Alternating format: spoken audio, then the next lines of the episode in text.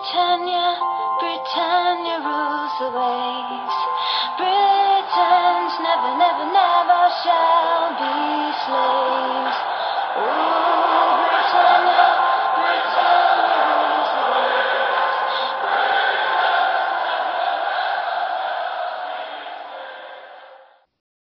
Hej och välkommen till avsnitt 255 utav Svenska FPL-podden.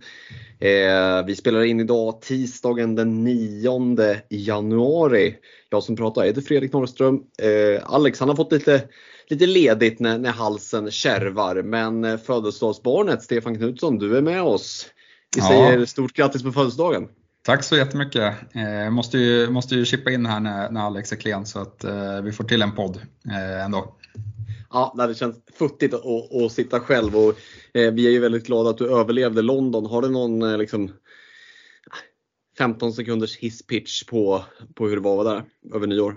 Eh, ja men absolut, det, det, var en ganska, det var en ganska hård resa ska jag väl, ska jag väl villigt erkänna. Men, men eh, Soho är ju väldigt kul eh, och eh, det hände väldigt eh, intressanta saker som, eh, liksom, vi ska inte nämna någon här, men, men det var fest med med svenska fotbollsproffs och, och liknande. Så att, eh, London levererade verkligen eh, roligheter. Ja, vi hörde att det fanns eh, svenska fotbollsproffs som var duktiga, duktiga på att eh, dricka starksprit och sen så gick ju lite ryktet på stan om att du rekade ett nytt, eh, ny nattklubb till eh, poddresan som kommer. Ja precis, vi stod och skrek oss hesa till, till Cranberries Zombie där efter, efter Vaxie O'Connors. Eh, så att eh, ja, det finns ju potential för, för poddresan att, eh, och de festsugna som, som kanske inte har nöjt sig när Vaxie stänger vid, vid 12 där och, går vidare till, till 03. Och då kan man haka på mig troligtvis. Mm, det låter som en bra idé. Vi ska, det kan vi säga när vi ändå har då är inne på ämnet att poddresan, det finns ju fortfarande ett par platser kvar. In och kika, det finns länk på vår Facebook-sida. Det är ju via olika Sportresor som vi ordnar den här resan 3-6 maj. Ska se Crystal Palace mot Manchester United bland annat. Får se om det blir någon mer match. Som det går att lägga till. Och ja, förutom fotbollen då så ska vi gå på pubbar och vi ska gå på klubbar och vi ska ha allmänt trevligt. Så att boka på er på det. Um, vi ska ha en agenda för eh, dagens avsnitt och eh, vi ska börja med att kika lite på ja, men hur, hur är läget i våra byggen egentligen? Vi, jag och Alex pratade ju förra veckan om hur många poäng vi tog i Game Week 20 och sådär. Men det har gjorts lite tidiga byten och hur ser planerna ut nu när skiten har träffat fläkten? Eh, efter det ska vi prata veckans punkter och då ska vi prata lite just den här skiten som har träffat fläkten. Skadeläget, Afcon, Asia Cup. Vad gör man med alla flaggor? Eh, vi ska prata lite FA-cupen. Vad är det som har hänt där och eh, hur ser, hur ser schemat ut framöver med de olika rundorna och när infaller vad och så. Och sen så har eh, födelsedagsbarnet Stefan tagit fram lite statistik som vi ska kika på. Eh, vi kommer med veckans rekommendationer. Eh, vi ska ha en kaptensdiskussion för Game Week 21 och så avslutar vi med lite lyssnarfrågor. Eh, men vi börjar med att hoppa in i våra byggen. Eh, vi eh, avslöjade väl det redan förra veckan Stefan att du hade tryckt av en del eh, tidiga byten. Hur många, hur många byten har du tryckt av? Hur många minus är redan bankade? Ja, eh, när, när ni spelade in i, i förra veckan så, så hade jag redan tryckt av två byten. Eh, jag bestämde mig där i London-dimman att jag skulle vara snabb på att plocka ut Son och Salah för att, eh, inte, ja, men för att tjäna eh, pengar på dem. Eh, och då kom eh, Bowen och Garnacho in. Eh, nu visar ju sig det att eh, det var inte så jävla bra eh, eftersom Bowen är eh, out i en månad ungefär. Eh, och sen här om kvällen så tryckte jag även av eh, eh Toffolo till Estopinian. Eh, och eh, ja, men, det kändes väl så här, ah, det här kanske jag inte borde göra, eh, minus fyra för. Men eh, idag när eh, liksom nyheten kom om att Trent är out så, så eh, känns det faktiskt mycket bättre att ha tryckt av den där eh, Estopinian-bytet. Även, han har inte gått upp i värde men, men jag misstänker att han kommer göra det relativt snart. Mm. Precis. Eh, blir det några fler minuspoäng inför deadline? Nej, nej, nu kommer jag lugna mig här. Jag har faktiskt en oerhört eh, bred trupp eh, där Ja men nu, jag tycker Archer har en helt okej match. Annars eh, så kommer Archer bli Håland till, inte till den här veckan, men, men veckan efter. Eh, och då kommer liksom truppen kommer kunna hantera två, tre skador eh, under, under den här perioden och det är ganska långt mellan matcherna så det behöver inte betyda att, eh, att en Trent eller Bowen eller alla andra flaggor är borta speciellt många Gameweeks i spelet. Nej men precis. Eh, vi ska säga det att Alex som inte är med, han har också tryckt av ett tidigt byte eh, och det är samma tidiga byte som jag har gjort. Han har gjort Salah till Bowen. Så att vi sitter alla tre i den här båten där vi har bytt in Ja, den här West Ham-spelaren som, som är typ det enda bra de har nu när Kudos är borta. Och vad gör David Moyes? Jo, han spelar honom 90 plus eh, i en jävla cupmatch hemma mot Bristol City. Och det är klart att han går sönder det sista som händer i matchen. Eh, ja, jag är så sjukt upprörd på David Moyes. Alltså, vad har vi för kommentar? Alltså, jag var ju inne på förra podden att men, han kan ju lika gärna vila honom. De ska väl klara av ett Bristol City ändå. Och även om de inte gör det, vad fan foka på ligan. Men att spela 90, eh, förklara för mig Stefan, för jag får lite sådär kognitiv dissonans. Jag förstår inte, hur tänker David Moyes? Det är ju uppenbarligen en, en kompetent fotbollstränare, men hur kan han ha Bowen på plan när klockan tickar över 75-80 minuter? Ja, nej, det, det är svårt att, att förstå. Det blir, eh, ja, men han får ju bita i det sura äpplet nu när, när Bowen också är borta och Paketa är borta och Kudos är borta. Så att, jag vet inte, det, det, känns som att det är svårt att se hur West Ham ska, ska få in bollen eh, faktiskt mot, eh, mot Sheffield. Ja, de har en Danny Ings, men han, det är väl bara en tidsfråga när han går sönder han också. Så det, ja, det, där, där känns det tunt framåt. Eh, som sagt, Alex gjorde, hade gjort ett byte, jag hade gjort ett byte. Jag sitter ju med ytterligare ett fritt.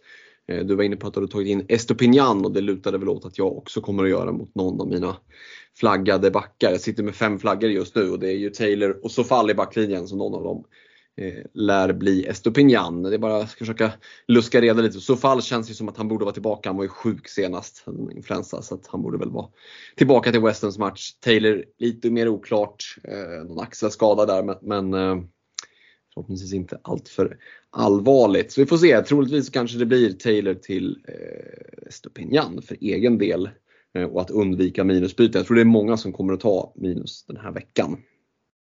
Ja, det, det, det kommer garanterat flyga mycket minus. Eh, jag tror att det kommer vara något så sjukt högt snitt faktiskt. Mm. Eh, många kommer ju byta två spelare och ja, men tre i, i vissa fall också beroende på Ja, men om, det är nog inte så jättemånga som drar minus 8 som, som jag, fast man kanske har två eh, fria byten och väljer att göra tre byten eller ett fritt byte och väljer att göra två byten. Så jag tror att många kommer ta minus 4 i alla fall. Mm. Och vi glider väl eh, oaktat då in på veckans punkter och första punkten är ju så att skiten har träffat fläkten. Det är ett sånt där uttryck som vi brukar använda ibland om det händer. Vi brukar prata om det här med att ja, men Gör man tidiga byten så tar man risker och nu gjorde vi alla tre det. Det är inte så vanligt. Vi brukar ju förespråka att man ska ha tålamod. Nu var det ju väldigt stora liksom, price swings utifrån att ja, men vi satte alla tre på Sala och han var på väg ner i pris. Ville ha in Bowen, han var på väg upp i pris och det är klart att väntar man en vecka extra så kan man tappa ja, 0,6, 0,5 i, i lagvärde och, och, det vill man ju inte helst. Men ja, nu sitter vi här med en skadad Bowen som ska vara borta vadå, en månad. Och han är ju som sagt inte ensam. Slänger man ihop de här i en stor hög med liksom vilka som har åkt till Afrikanska mästerskapen, Asiatiska mästerskapen och är skadade. Ja, alltså jag, jag läser en lista här. Salason, Trent, Kudos, Wang, Mitoma, Bowen, Haaland, Sinchenko, de Bruyne, Nkunku, Pau Torres, Gabriel Jesus, Nicholas Jackson, Caboret, Wilson och Semikas. Hur känns det att höra den listan av, av spelare och veta att de är liksom mer eller mindre out på på kort eller lång tid? Alltså personligen så känns det jäkligt bra faktiskt för jag sitter bara med Trent och Bowen eh, och eh, ja, men får in Archer och Porro från, från eh, bänken för de lirarna och då är jag ändå nere på Guardiol som, som kan täcka om, om jag får något mer bortfall här så att eh, jag har faktiskt inte jättemycket problem med det men, men det kanske man inte ska ha heller när man har dragit minus 8. Nej men precis och jag tror att det där kanske är en liten vattendelare för många sitter nog med en fem, sex, kanske till och med sju flaggor i bygget och då, då kan det ju kännas liksom som att ja, ska jag behöva dra mitt wildcard det andra precis när jag har fått det. Och för vissa så, så kanske man klarar sig bättre eh, likt dig då. Då är det visserligen tryckt av en minus 8 men känner ändå att man sitter liksom lite mer lugn i båten så som det känns just nu. Eh, men det här är väl det närmsta vi kommer att skiten har träffat fläkten på ganska länge, eller hur? Det, det känns som att eh, är det intensiva december som har, som har satt sina spår eh, kopplat och eller kompletterat av de här mästerskapen eller vad tror du beror på att det kommer just nu? Nej, men det är väl lite så. Eh, sen tror jag att det är många eh, skador som, har, som man kanske har dolts lite eh, och inte pratat så mycket om och nu när det blir långt uppehåll så, så kanske man eh, liksom låter de här spelarna få, få sin återhämtning och, och pratar om att de faktiskt har varit lite skadade. Så jag tror mm. att det är en dubbeleffekt eh, där. Eh, sen kom jag på att, eh, att Chelsea ska väl spela i ligacupen så bara för att jag säger att jag sitter bra på det så kommer väl både Palmer och Gusto gå sönder här i, i kuppen. Eh, och, och, så kommer man eh, sitta där med problemen då. Ja precis, de ska ju spela eh, ligacup semi och då kanske det är lite större men, eh, sannolikhet att de väljer ändå att spela det bästa laget utifrån att är man framme i semifinal, ja, men då är det ju hyfsat nära till en titel. Eh, mm. Ja, det, det återstår att se om, om eh, de lyckas hålla sig friska eller om de får joina resten i sjukstugan. Eh, vi ska inte fastna i det utan ni har koll på vilka som är flaggare när ni är inne och loggar in. Se till att uppdatera, speciellt ni som jobbar mycket i telefonen för att flaggarna tenderar att vara lite sega på att komma. Ibland måste man uppdatera, logga in, logga ut så att ni har koll på vilka spelare som, som är flaggade. Men när ni ser flaggorna ska ni också ha med er att det är en speciell Game Week. Game Week 21 den är utspridd över väldigt många dagar.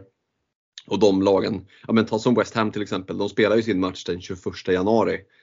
Det är, ja men det är nästan två veckor dit. Ehm, och nu verkar väl Bowen vara borta i typ en månad, eh, vad vi har fått de första rapporterna. Eh, ish. Och, och, det är klart, då kanske han missar den matchen. Men, men som du var inne på där, att det behöver inte bli så många game weeks. Vi pratade ju det i december, man borta fyra veckor i december, då missar man kanske 5, 6, 7 game weeks. Och nu kanske det handlar om att man missar en, eh, kanske två. Eh, och, och, det gör ju ändå en viss skillnad i huruvida man känner att man måste skeppa en spelare som är på skadelistan eh, kontra om man kan övervintra. Hiring for your small business? If you're not looking for professionals on LinkedIn, you're looking in the wrong place. That's like looking for your car keys in a fish tank. LinkedIn helps you hire professionals you can't find anywhere else, even those who aren't actively searching for a new job but might be open to the perfect role. In a given month, over 70% of LinkedIn users don't even visit other leading job sites. So start looking in the right place. With LinkedIn, you can hire professionals like a professional. Post your free job on linkedin.com slash people today. Ja, absolut.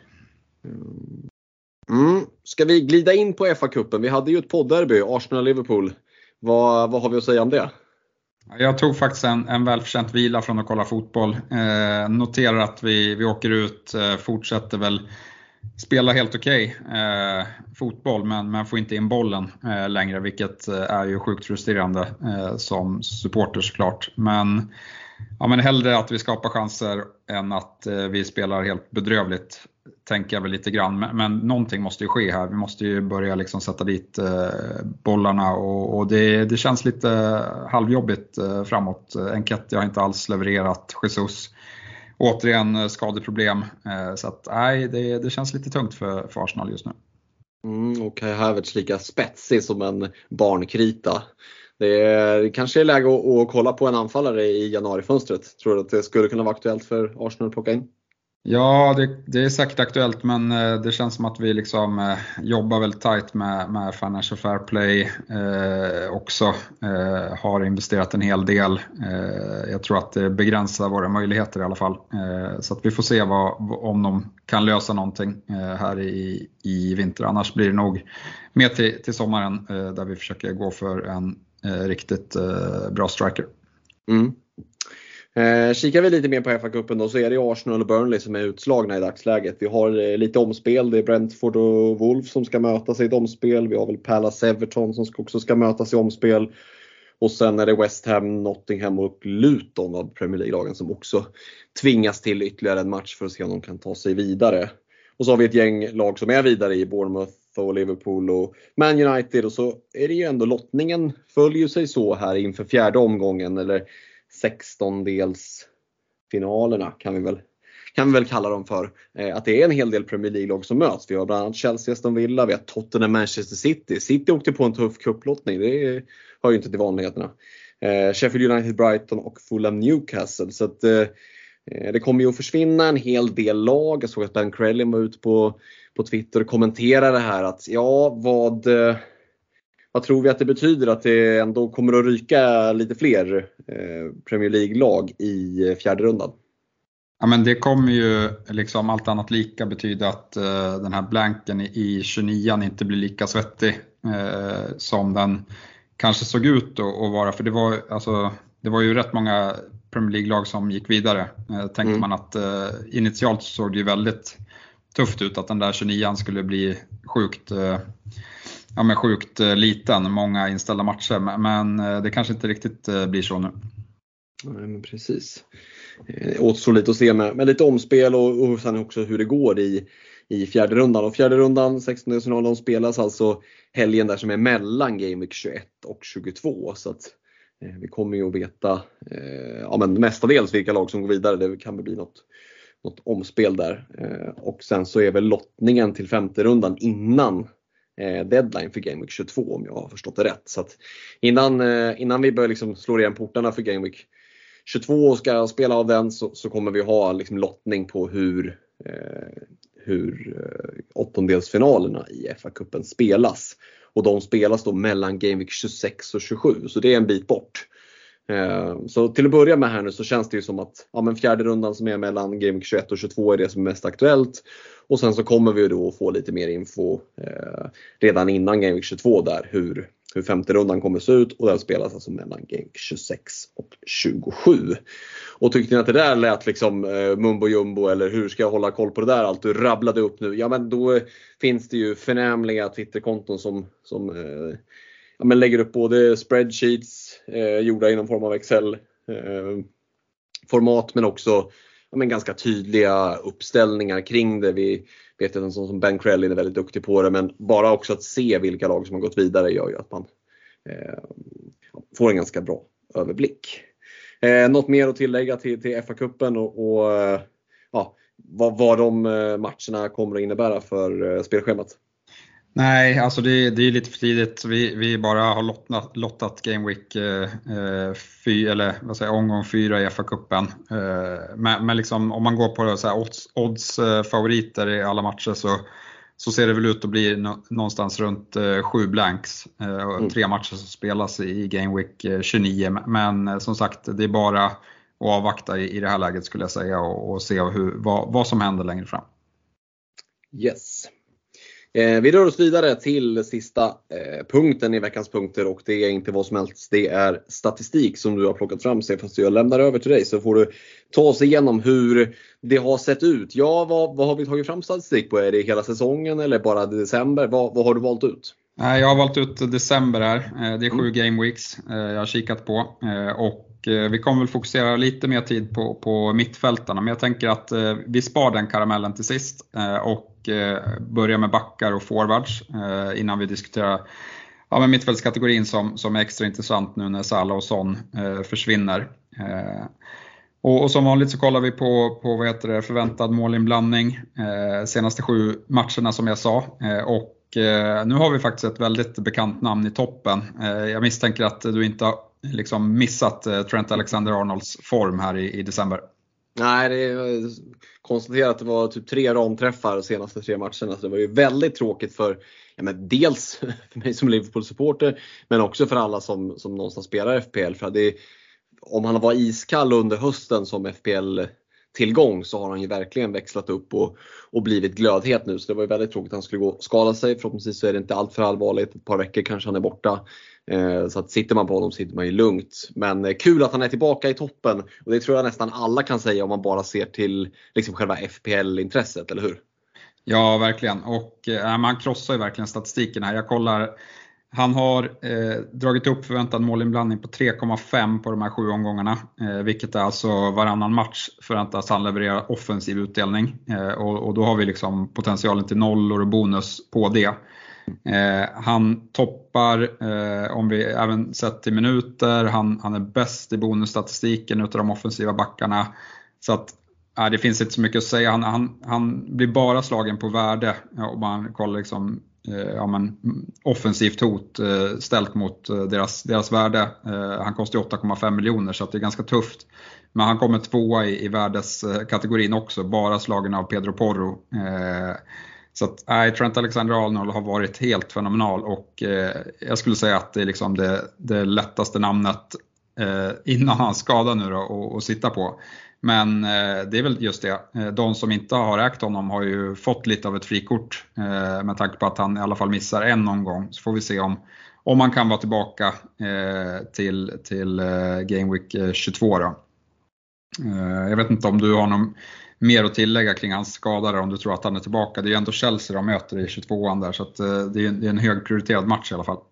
Ja precis, det får vi se hur han är. Jag tror inte han kommer att stressa tillbaka honom utan eh, kostar det att han missar en match extra då, då får det nog vara så. Eh, så att vi, vi, får se men en, max två matcher och missa det, det, känns väl ändå som att man, man håller ju honom som sagt som jag sa om, om man sitter på honom för oss likt mig då som inte har klivit dit än, ja, men då gör att vi kan kliva till andra spelare så länge och sen eh, sitta beredda och plocka in honom. Och förhoppningsvis så får vi väl lite mer info inför Game Week 22, inför Chelsea där, om han är tillbaka eller inte.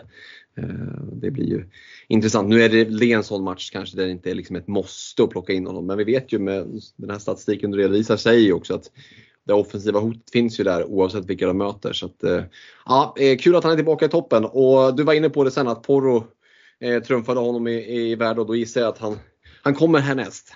Ja, han är ju på andra plats. 2,8 mm. ligger han på. Eh, men jag skulle säga att det är också riktigt, riktigt bra siffror. Eh, och eh, ja, men Spurs har väl hållit någon nolla under, under december också så att hans poängleverans har varit helt okej okay ändå. är ju ett superalternativ skulle jag säga så länge Madison är borta för att han tar ju i princip varenda fast situation för, för Tottenham. och, och, det boostar ju såklart, såklart hans potential för att få både bonus och, eh, och assistpoäng. Eh, och sen såg vi i FA-cupen drog han in en riktig strut också eh, senast här. Så att, eh, han, han känns i bra form. Eh, ja, sitter man på honom så är det bara sitta kvar och jag skulle även säga att det är ett alternativ att, att plocka in eh, nu när det finns en hel del pengar att, att tillgå eh, med tanke på att man, man får mycket pengar eh, till övers när man säljer en, en Sala till exempel.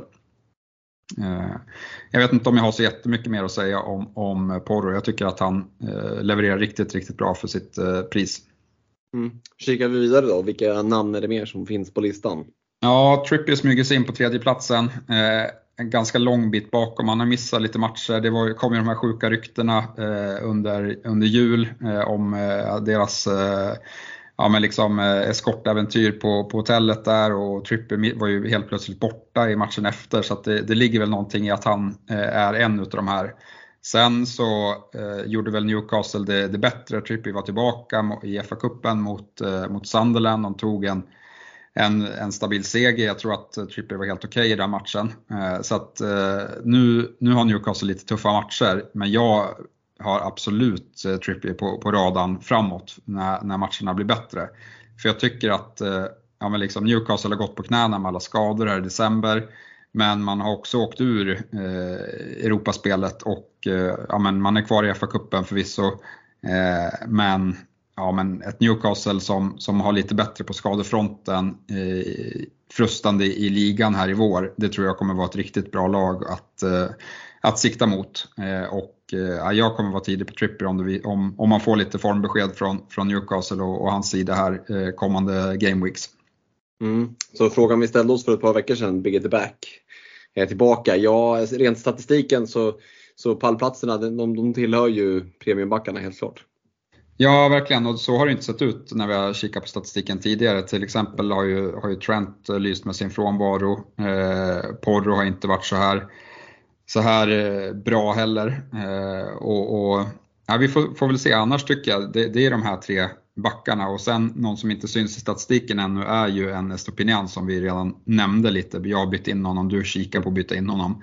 Mm. Han har ju bara gjort två matcher tillbaka från skada och inte ja, men haft något större offensivt hot. Sen har sen han, han lyckats dra in två mål eh, på de två senaste matcherna i FA-cupen och, och, ligan. Eh, vilket eh, liksom ja, men någonstans visar på hans hot. Men eh, han kostar bara 4,9. Brighton har jättefina matcher så det är också ett superalternativ skulle jag säga. Eh, vi skulle inte stanna, stanna, stanna till så mycket mer. Jag, jag, eh, jag, tycker inte att det finns så, här, så jättemånga, mycket att säga om de andra. Vi kan, vi kan nämna topp 10 och det är eh, Toffolo, Udogi, Senesi, Alex Moreno, Konsa, Doughty och Ben White. Eh, men det är, jag vet inte om det är någon som sticker ut här. Jag skulle säga om det är något lag i alla fall så är det väl Aston Villa eh, Men både Moreno och Konsa som, som jag tycker känns lite mer intressant eh, än, än övriga på den här listan. Jag vet inte om du har någon snabb kommentar till, till de namnen jag rabblade upp där. Ja, nej, men det är väl det där när Ding drog på sig sin skada och, och är ju en skadebenägen spelare och Moreno då tillbaka från skada så att han kanske kan eh, ja, ta tillbaka den där vänsterbacksplatsen. Och så, en del trevliga matcher även om många av de bästa kanske är på bortaplan för Villa. Så ja, det är ju också någon att, att kunna blicka mot men som du var inne på där med Stopinian och Trent så finns det ju, och Trippier för den delen. Så, ja, helt plötsligt så, så, finns det ett utbud av backar och det är ju roligt för det har vi ju varit lite problemet under hösten att det har inte funnits några backar man vill byta in knappt. Så nu känns det som att de, de eh, står på rad, det är bara att välja och vraka. Yes. Nej, men vi kastar oss vidare till forwards och mm. eh, här är det lite intressant för här brukar vi ju finna Håland eh, som liksom solklar etta men han har ju i princip inte spelat en enda minut i december. Eh, så han kom inte ens med på, på topp 15. Eh, jag har inte ens kikat upp vart, vart han ligger någonstans. Men, men det, det, gör ju inte att han är ointressant som alternativ. Eh, nu var han ju inte med i FA-cupen alls, vilket gör att, i alla fall för egen del, så har inte jag något bråttom att, att plocka in honom nu till, till helgens match, utan eh, jag får se lite grann eh, och plockar in honom till, till Game Week 22 istället. Det, det, är min tanke kring Håland. Ja, och jag som sitter på honom där hade ju hoppats på att han skulle vara med i truppen i alla fall. Nu nu känns det som att man i bästa fall mot Newcastle får ett, ett inhopp. Liksom och, och ja, det är som du säger, sitter man, har man liksom bytt ut honom och inte klivit tillbaka än så, så är det ju det är ju ingen stress med det. Liksom. Det ska ju mycket till för att han ska vara i startelvan mot City. Det kan han ju såklart vara, man vet ju aldrig med Pep, men det är väl långt ifrån odds favorit på det. Nej, precis. Eh, men i alla fall i Hålands frånvaro så hittar vi eh, tre spelare som, som kvalar in över fyra i, i förväntad målinblandning här i, på de här sju omgångarna som har varit och eh, listan toppas faktiskt av Solanki. Eh, 4,7 eh, och då ska vi notera att eh, hans match där han gjorde mål som, som blev eh, inställd inte är med i de här siffrorna. Eh, så att eh, jag skulle ändå säga att han, han Eh, har den upp också. Eh, tvåa på listan är, eh, hittar vi Darwin Nunez 4,4 och trea på listan Julian Alvarez på 4,2. Och här vill jag väl ändå skicka ut ett stort varningsfinger för Julian Alvarez nu när Haaland och Kevin De Bruyne förväntas vara tillbaka. Så känns ju hans speltid långt ifrån garanterad som, som den lite har varit hela säsongen hittills. Men, men det tror jag kommer förändras nu. Mm. Ja men så är det ju, konkurrensen blir betydligt tuffare. Och då ska vi säga det du nämnde här, Solanke 4,7, Nunez 4,4 och Alvarez 4,2. Då är det non-penalty, alltså bort, straffar borträknat. För ta som Solanke och Alvarez har ju varit straffskyttar, men inte Nunez till exempel. Men straffar är inte en del av den här statistiken, eller hur? Nej precis, det, det är utan straffar. Ja. Eh, så nej men det är väl så det ser ut. Jag tycker eh, om, man, om man kikar på det, jag tror många sitter på Solanke och Watkins. Eh, mm. Och Watkins hittar vi faktiskt först på, på 14 plats. Han, han har spelat mest minuter av alla på topplistan men, men kvalar fortfarande bara in på 2,4 i, i någon penalty go, eller ja, förväntad målinblandning utan, utan straffar. Och det är riktigt svagt faktiskt. han har haft en liten formsvacka under december. Nu gjorde han jag tror, var det sista han gjorde två ass. Mm. Eh, och eh, ja, men det är lite det läget att jag har inga, så här, jag har inga byten eh, och, och, kvar och, och liksom eh, mina byten kommer vara på andra spelare så, så Watkins kommer lugnt sitta kvar där men jag noterar ändå att han är så svag i statistiken som, som eh, för det här är det klart svagaste han har haft på hela säsongen. Ja, det blir intressant att se. De vill ha ju varit väldigt starka hemma. Nu har de lite tuffare hemmamatcher som kommer men eh, svagare bortaplan. Å andra sidan kommer det lite, lite lättare bortamatcher. Eh, återstår väl att se vad, vad det gör för, för Villas hemma respektive bortaform. Och, men nej, eh, jag vet inte. Var det att han överpresterade i början av säsongen? Vad är Watkins rätta nivå? Vad är, vad är känslan? Är han liksom topp 4 strikers i ligan eller, eller är han mer en men medelmåtta som ska spela Aston Villa, förlåt alla Villa-fans, men du förstår vad jag menar. Liksom. Är, han, är han ett namn för, för att vara första striker i Arsenal om ni skulle vilja plocka in någon till sommaren? Eller är Aston Villa hans nivå? Vad tror du? Nej, det, är, det är väl jätte, jag, jag, har lite dålig koll på hur gammal han är. Eh, men, men, det är klart att han är bra. Och, och vi ska väl säga att han har inte, eh, inte levererat. Han har ändå fem returns eh, utan straffar i, i han, han är inte straffskytt, förlåt. Eh, men han har ändå fem returns. Han har överlevererat sin statistik eh, igen eh, väldigt mycket. Och det, det var ju exakt så det såg ut i början av säsongen när han inte heller var så här fantastisk i, i statistiken. Men han, hans leverans var helt otrolig. Så ja, jag vet inte, jag tror att det där som du var inne på med spelschemat faktiskt kommer vara bra för, för Watkins. För att det som kanske liksom är de svåra matchbilderna för honom, det är när de inte kan bryta ner ett, ett lågt stående försvar. Men om de möter lite bättre lag på, på hemmaplan kommer det finnas mer ytor. Och sen på bortaplan möta sämre lag, ja men eh, det vet man ju liksom rent generellt att när man spelar hemma så är man lite mer framåtlutad och, och går lite mer framåt. Så att det kommer finnas mer ytor för Watkins även i de matcherna skulle jag, skulle jag tippa. Mm, han fyllde 28 här dagen för eh, nyårsafton så att han ska väl vara i sin prime här nu och har väl ett par år kvar framför sig där han ska kunna verkligen blomma ut och vara sitt bästa jag. Så det blir spännande att se vad, vad som händer med honom till sommaren och om han kan till att börja med återfinna lite, lite höstform här under eh, Eh, under andra halvan av säsongen helt enkelt. Ja. Eh, någon mer eh, som sticker ut där i, i eh, toppen på listan för strikersna? Jag kan nämna topp 10 och då mm. bakom de här tre som, som vi, vi snackade om i början så hittar vi Calvert Lewin, Niklas Jackson, Isak, Jesus, Kunja, Joao Pedro och Wood. I, och eh, ja, jag vet inte, jag är inte supersugen på, på, på någon av dem. Eh, det skulle vara, Isak skulle kunna bli ett alternativ eh, här till våren. Jag tycker han har visat väldigt fin form på slutet i, i många matcher. Eh, Calvert Lewin har inte fått någon utdelning men han är väl liksom den som ändå kan utmana Solanke på budget, budgetkategorin. Han kostar bara 5,8. Eh, jag har inte fått någon feeling för Evertons matcher men eh, kan han hålla sig skadefri och liksom eh, visa så tycker jag ändå att Everton gör det rätt bra under Sean Dyche. Och ja, skulle eventuellt kunna vara ett alternativ för vårt andra wildcard. Jag ska inte utesluta honom i alla fall. Jag ska säga det om Calvert Lewin också att de överklagade ju hans röda kort där och fick ju igenom det så att han är ju inte avstängd. Utan fullt fri att spela så länge kroppen håller och det är väl det som är det luriga för, för, för hans del framförallt. Um, Isak som du var inne på där är ju straffskytt så länge inte Callum Wilson är på plan. Um, så har ju det som lite extra boost till sina siffror. Och, ja, det är väl just det där med speltiden bara att när, när matcherna blir lite färre för, för Newcastle då, och både han och Wilson är hela. Uh, är Isak den tydliga ettan? Det kanske han kommer vara men uh, även om han är det så kommer ju Wilson att stjäla en hel del speltid. Det kommer inte bli några 85 plus eh, eh, insatser liksom, minutmässigt för Isak hela tiden. Utan när de har den här tuffa konkurrensen som en del spelare har så är det ju lätt att det stjäls speltid. Vi kan se det på en sån som Gabriel Martinelli till exempel. Nu har inte han varit eh, superbra heller men just när det finns en Trossard som står och knackar på dörren, ja, men då, då, blir det lätt att man blir den som är utbytt i, i 70 um, ehm, och det är ju ändå någonting att ta med sig som en aspekt när man överväger vilka spelare man ska plocka in.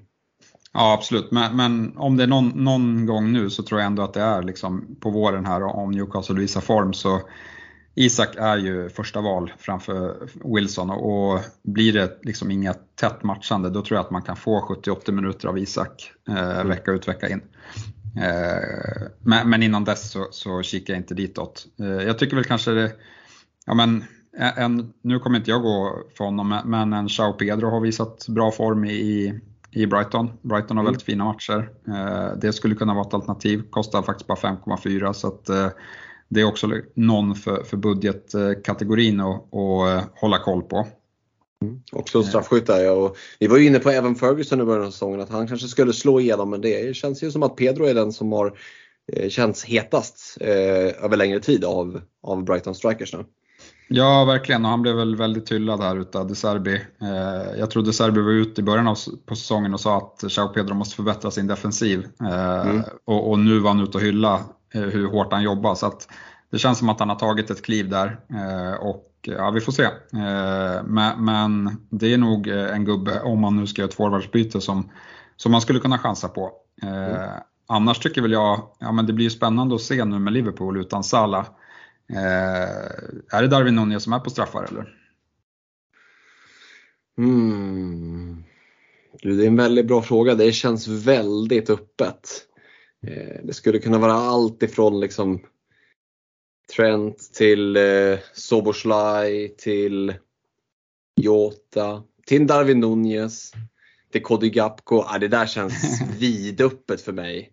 Eh, och då tycker jag att jag ändå följer Liverpool ganska mycket. Men ser man på de som har stått och hållit i bollen sådär för att de ska liksom för, försöka finta till de som ska lägga den och sen har de gett bollen till Salah, då är det ju Trent framförallt. Eh, och han är ju den som har överlägset bäst tillslag på bollen. Så, ah, det, det, det, jag hoppas ju verkligen att vi får en straff här nu i, i ja men helst ASAP så att vi får se och med alla de här på planen. Nu är ju Trent skadad så honom kommer vi inte kunna se då men, men eh, ändå eh, se vem det är som kliver fram och faktiskt tar ansvar. Det, det ska bli väldigt spännande att se för det känns ungefär lika svårt att gissa som eh, om Ödegård eller Saka ska slå nästa Arsenal-straff.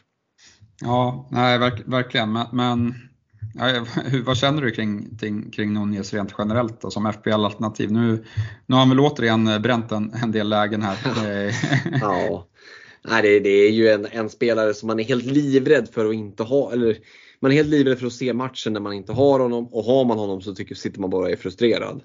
Eh, men jag har ju någon sån här dåres envishetstro liksom på att, eh, att det kommer att lossna. Eh, du var inne på det med, med Arsenal med högt XG och, och, att ni skapar lägena och det ändå är positivt. Det är ju lite lex Darwin Nunez. Att han kommer till lägena, han gör ju ett, ett, ganska bra jobb. Speciellt sett till vad han gjorde för jobb när han kom.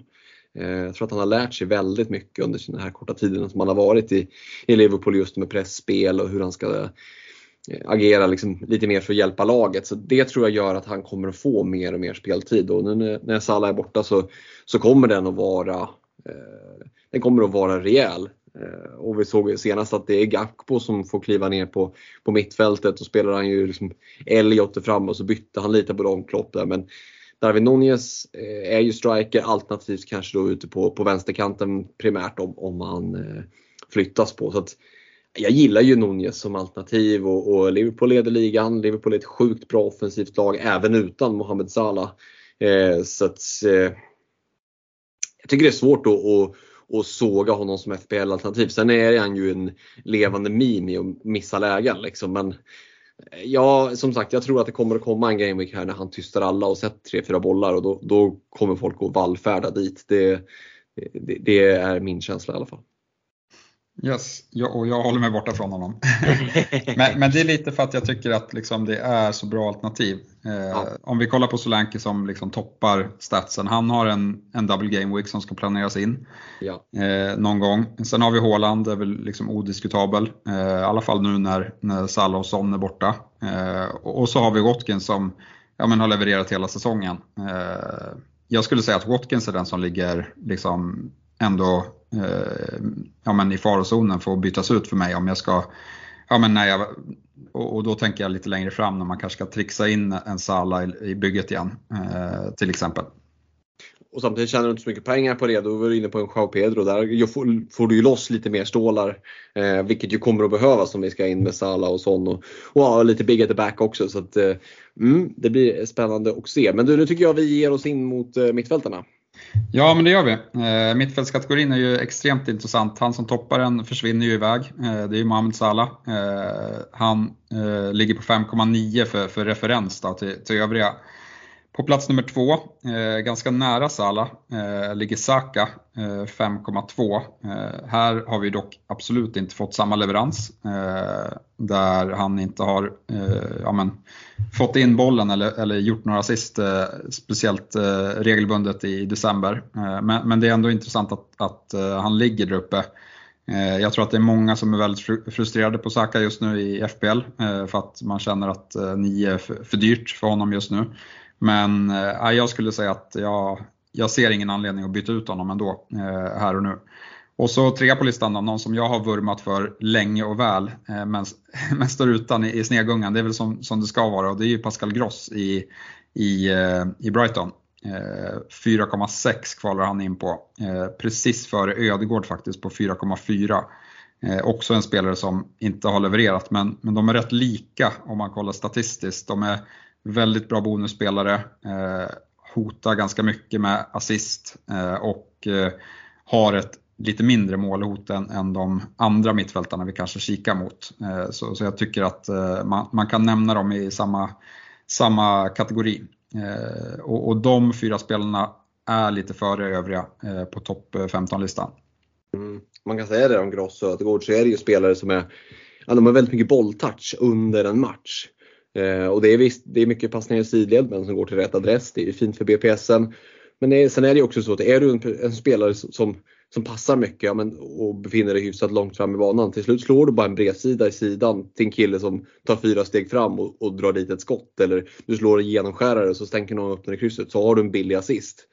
Um, det får man ju lite mer ska man säga, gratis av de här spelarna som slår väldigt mycket passningar kontra en sån som står ute liksom och fryser på kanten och, och, och, väntar på bollen bara mer. Eh, så, så, det är ju intressant att både Gross och, Ödegård ligger där uppe. Eh, men ja, det finns ju mer att hämta av Ödegård och Saka sett till vad, vad de har för eh, liksom förväntad målinblandning kontra den, den faktiska. Ja, men det har ju varit så lite för, för Arsenals mm. del här senaste, senaste två matcherna i alla fall i, i ligan. Eh, och eh, jag vet inte, jag, jag, skulle väl ändå, nu, nu blir det ju så att man byter ut, man kollar på att byta ut Sala och Son eh, och, och, då sitter ju en, en kille som som söker kvar i bygget eh, och jag tror att det är väldigt många som har honom redan så att liksom, det är inte jätteintressant för folk att byta in kanske. Eh, men, men, rådet blir väl ändå att tålamod eh, med dem. Ödegård tycker jag väl fortfarande är ett alternativ men han, där tycker jag då att Pascal Gross som är Eh, 2 miljoner billigare är ett mycket bättre alternativ just på grund av prisskillnaden och att Brighton har väldigt fina matcher. Eh, sen tror jag också att med, med Gross som, ja men han är så allsidig så han får ju vikariera lite liksom överallt i Brighton. Men nu saknar de väldigt mycket offensiva pjäser eh, vilket gör att eh, han kommer få en mer framskjuten position här eh, kommande månaden i alla fall. Eh, är min take av det hela. Mm. Mm. Nej men onekligen så, du var inne på det att de har ett, ett fint schema också så att möjligheten till, till offensiva returns finns ju verkligen kommande gameweeks här. Yes, och, och sen, det kommer jag komma till nu för att ja, vem ska man byta in istället då? Jag, jag fortsätter på listan ner, då är det ett litet ner, hopp till till Cole Palmer på 3,8 eh, mot Ödegårds 4,4 eh, och sen så följer Olysée 3,7 har sett jättefin ut men kanske skadad eh, igen. Eh, Richarlison på 3,7 eh, det är väl kanske liksom tydligt, tydligt bästa alternativet. Eh, samtidigt så försvinner nu Tottenhams eh, innermittfält eh, och Son eh, och matcherna tycker jag i alla fall är lite så här halvkluriga. Eh, jag ser ingen match där de kommer se över sin motståndare i alla fall. Eh, så det är ju så här frågan, Richarlison känns som ett jättebra alternativ men han, han har haft rätt bra leverans här också eh, senast sen han kom tillbaka från, från skadan. Så jag tycker väl att det är tråkigt att sitta utan honom men jag känner heller ingen panik eh, just nu med, med det beslutet. Eh, ja, sen har vi Son precis bakom Richarlison faktiskt eh, också försvinner iväg. Bowen kommer nia på listan, 3,4. Han vet vi är borta minst en månad. Eh, och så på tionde plats, det är min gubbe som jag bytte in den här omgången i eh, Garnacho i United eh, på 3,4. Men, men det är topp 10-listan. Mm. Så det, det, den, är, den är rätt tunn för att de flesta är antingen iväg på mästerskap eller är skadade. Typ. Ja, den är sargad. Som sagt, en del vet vi att de är helt out som, som Salah och, och Son och sen är det lite oklarheter kring ja, men sådana som Olise till exempel som, som vi har sett fin ut. Vi, vi pratade lite om den förra eller förra, förra podden, Olise kontra Etze. Och, det är väl ingen tillfällighet att det var Man City som var där och högg lite på Olise. Att det finns ju en, en himla höjd i honom. Och Får han hålla sig lite frisk här och göra en bra vårsäsong så tror jag att eh, Palace får svårt att hålla honom till sommaren. Eh, så det vore ju kul om han kunde hålla sig skadefri. Vi får se hur allvarlig den där skadan var. Eh, men i övrigt så är det ju verkligen intressant att det är många alternativ som försvinner och många av de som är kvar, men det är ganska prisvärda spelare. Det, är inga, det, kommer, det kommer inte vara något jättesvårt att få pengarna att räcka till. Det känns som att man är nere och, och shoppar i liksom Bulgarien på 90-talet eller Italien på 90-talet. Italienska liror. Man är liksom miljonär bara man när man kliver innanför landet. Vad, vad är din känsla? Liksom? Just det här att det är, ja, mid-price mittfältarna som, som levererar, som, som är kvar i spelet just nu. Ja, nej, det, det blir en konstig situation. Eh, jag, samtidigt har jag liksom öppnat upp möjligheten för en fyrbackslinje nu. Eh, mm. men, nu försvann ju Trent skadad då, så att det kanske blir en trebackslinje trots allt. Men, eh, jag sitter ju på allihopa eh, snart med, för att planen är att byta in Trippier. Eh, då kommer jag sitta med Trent, Trippier, Porro och Estopinian. Så, så jag tycker väl att liksom, det kanske är en extrem väg, det kanske visar sig vara helt fel. Men jag har hittat dit i alla fall och det, det beror mycket på att Palmer tycker jag ser extremt fin ut så att han, han räknar inte som någon så här femte mittfältare direkt utan han, han är tilltänkt startgubbe eh, hela mm. tiden. Eh, och sen har vi Garnacho då. Och jag tycker att Uniteds matcher eh, ser helt okej okay ut. Jag tycker de har spelat lite bättre på slutet. De var bra här mot eh, Wigan i FA-cupen igår igen. Eh, och de har satt sin elva nu känns det som. De har äntligen kickat ut den här Anthony ur, ur elvan och, och ja, Garnacho har väl fått spela högerytter nu med, och, och, Rashford på sin rätta position som, som vänsterytter. Eh, och, eh, jag, tycker, jag tror att de har något på gång här eh, i alla fall. Det, det ser eh, bättre ut spelmässigt i alla fall. Och vad kan gå fel tänker jag då med, med 4,8 Garnacho som jag eh, kan sätta på bänken lite då och då. Eh, jag, jag, tror, jag gillar den chansningen i alla fall. Ja, eh, och han, som du var inne på, han har ju verkligen liksom, eh, visat framfötterna där och, och ja, förpassat den där trötta Anthony som är en, en uppsyn och en aura som ja, bara en mor kan älska tänkte jag säga. Nej, det, det, Garnacho eh, är ju en ung frisk fläkt och, och nu är inte Alex med oss och kan tala för United-supporterna men det känns som att det är ett av de få ljus i, i ett ganska stort mörker annars för dem. Och känslan är väl att han kommer att, ha fått och kommer att få ganska mycket förtroende av till Hag. Så att, eh, mm, det är en spännande chansning tycker jag. Eh, var det något annat som stack ut? Nej men vi var inne på det här Bowen, vi nämnde det tidigare, borta ungefär en månad ryktas det om om man följer The Athletic, eh, tidningen i England och som sagt en till två gameweeks räknar vi med att han missar. Ja. Eh, är det någon vi saknar på topp 10-listan som du var lite förvånad över? Jag tänker Phil Foden, eh, hörde vi aldrig nämnas. Nej, men jag kommer gå vidare här med, med mm. några gubbar till för att eh, det är ändå liksom relevant med tanke på hur sargad den här listan är. Och ja. Då hittar vi Newcastle-duon på 11 och 12 plats i, i Gordon och Almiron.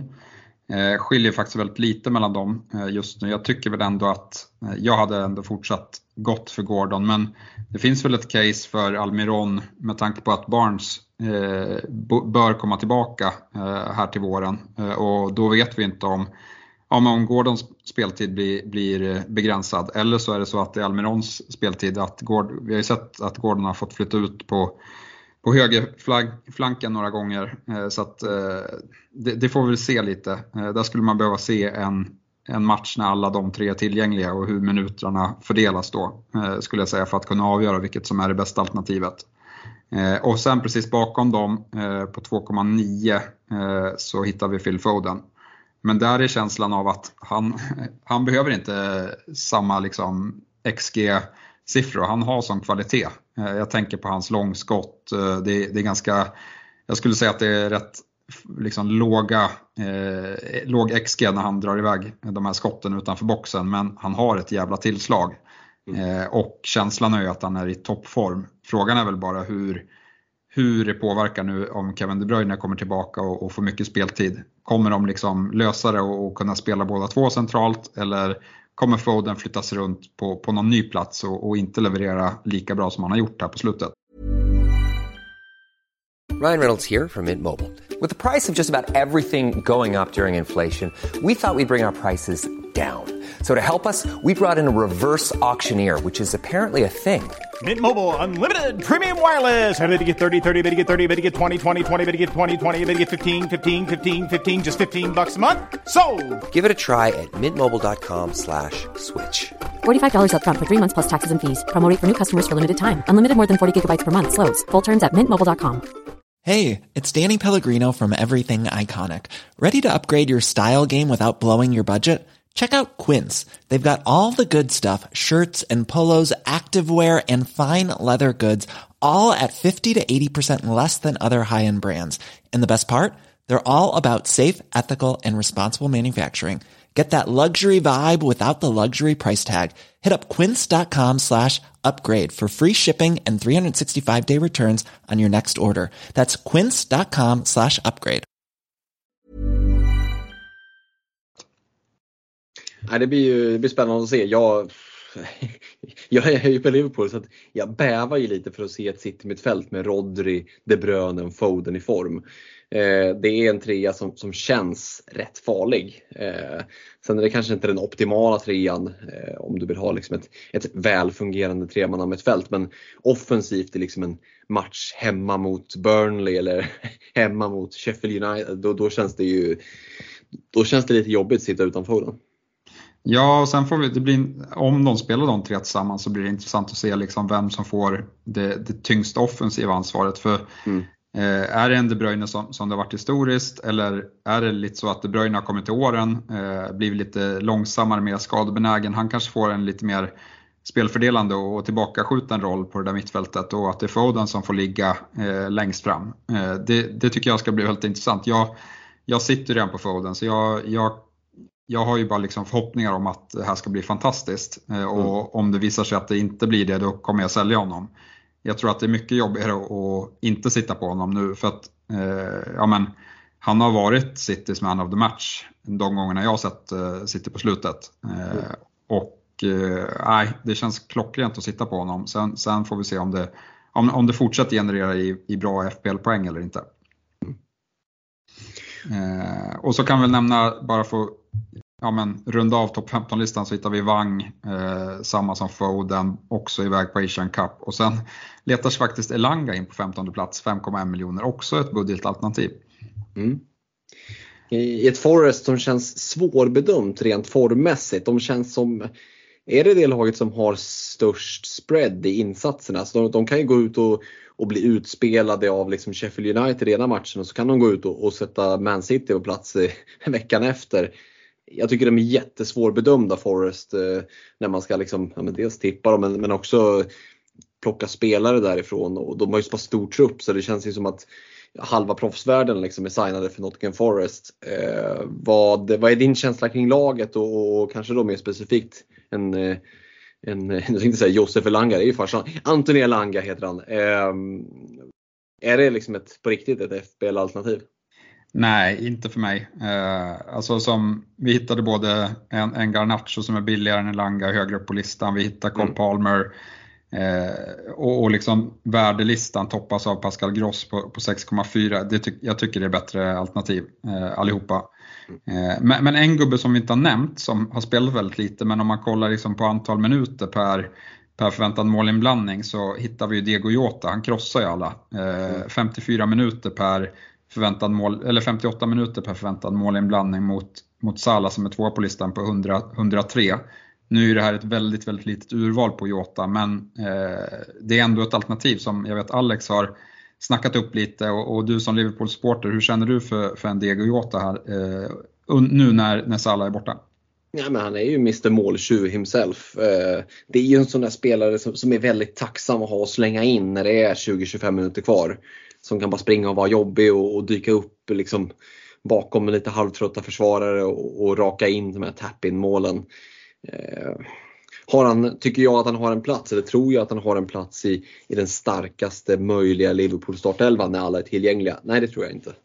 Eh, men det har vi inte tillgängligt nu. Mohamed Salah är iväg på på Afrikanska mästerskapen och ja, men Cody Gapko har kanske inte riktigt kommit till sin rätta och används lite på mittfältet. Jag tror det kommer finnas en hel del eh, möjlighet för Diogo Jota att få speltid.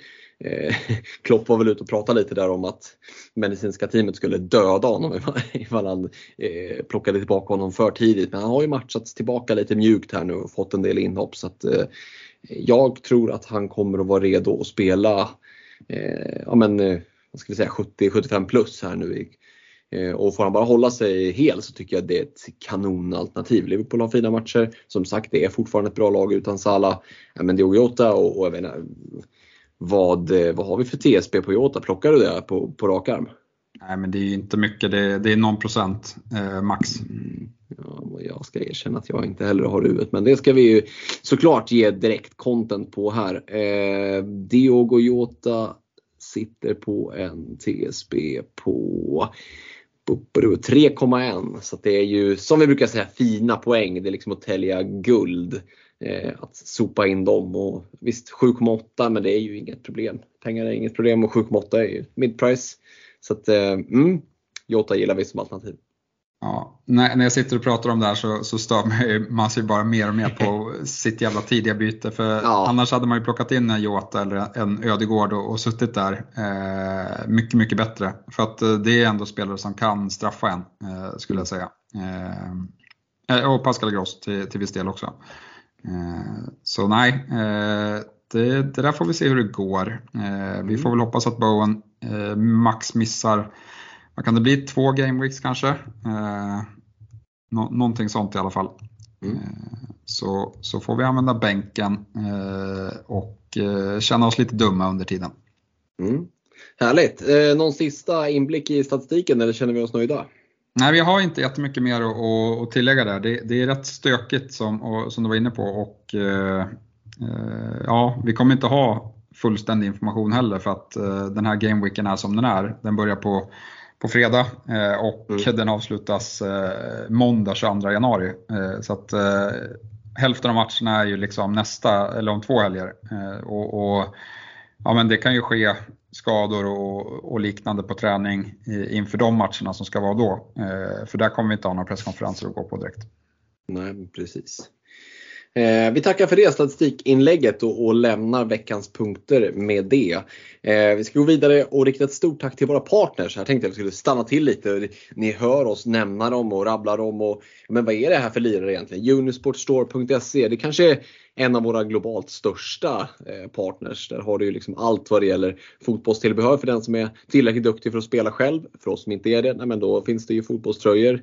Det kan man ju samla på om man vill det och ha över 90 stycken hemma eh, i garderoben. Det är inte så friskt men det är ack så roligt. Unisportstore.se eh, för att köpa fotbollströjor. Vi har eh, Superclubs där vi fick ju en fin leverans, eller jag fick en fin leverans hem med våra månadspriser som vi har börjat skicka ut här i mellandagarna så att ni som eh, vann eh, månads, eller var bäst under en månad i eh, poddligan som det är gratis att vara med i. Ni har kunnat hört av er och eh, fått ett Superclub hemskickat. Eh, så det är fortfarande någon där som jag saknar som inte har hört av sig än. Så att vann, du vet med det att du vann en, en eh, månad i poddligan då det är bara att hojta och vin, är du liksom ja, men tillräckligt skillad för att vinna en, en månadsvinst här under, under våren, då har du att se fram emot ett eh, Superclub. De, de har ju uppdaterat eh, den visuella eh, looken på kartongen så att nu är den faktiskt ännu snyggare skulle jag säga. Så det har vi att se fram emot där ni som är duktiga och vinner. Netshirt.se som säljer våran merch. Eh, vad gillar vi bäst Stefan? Är det whiskyglasen, ölglasen, shotglasen? Jag är lite mer för ölglasen skulle jag säga. Det är nog eh, en öl som slinker ner eh, mest när man sitter och kikar en match. Eh, så, så de vurmar väl jag mest för.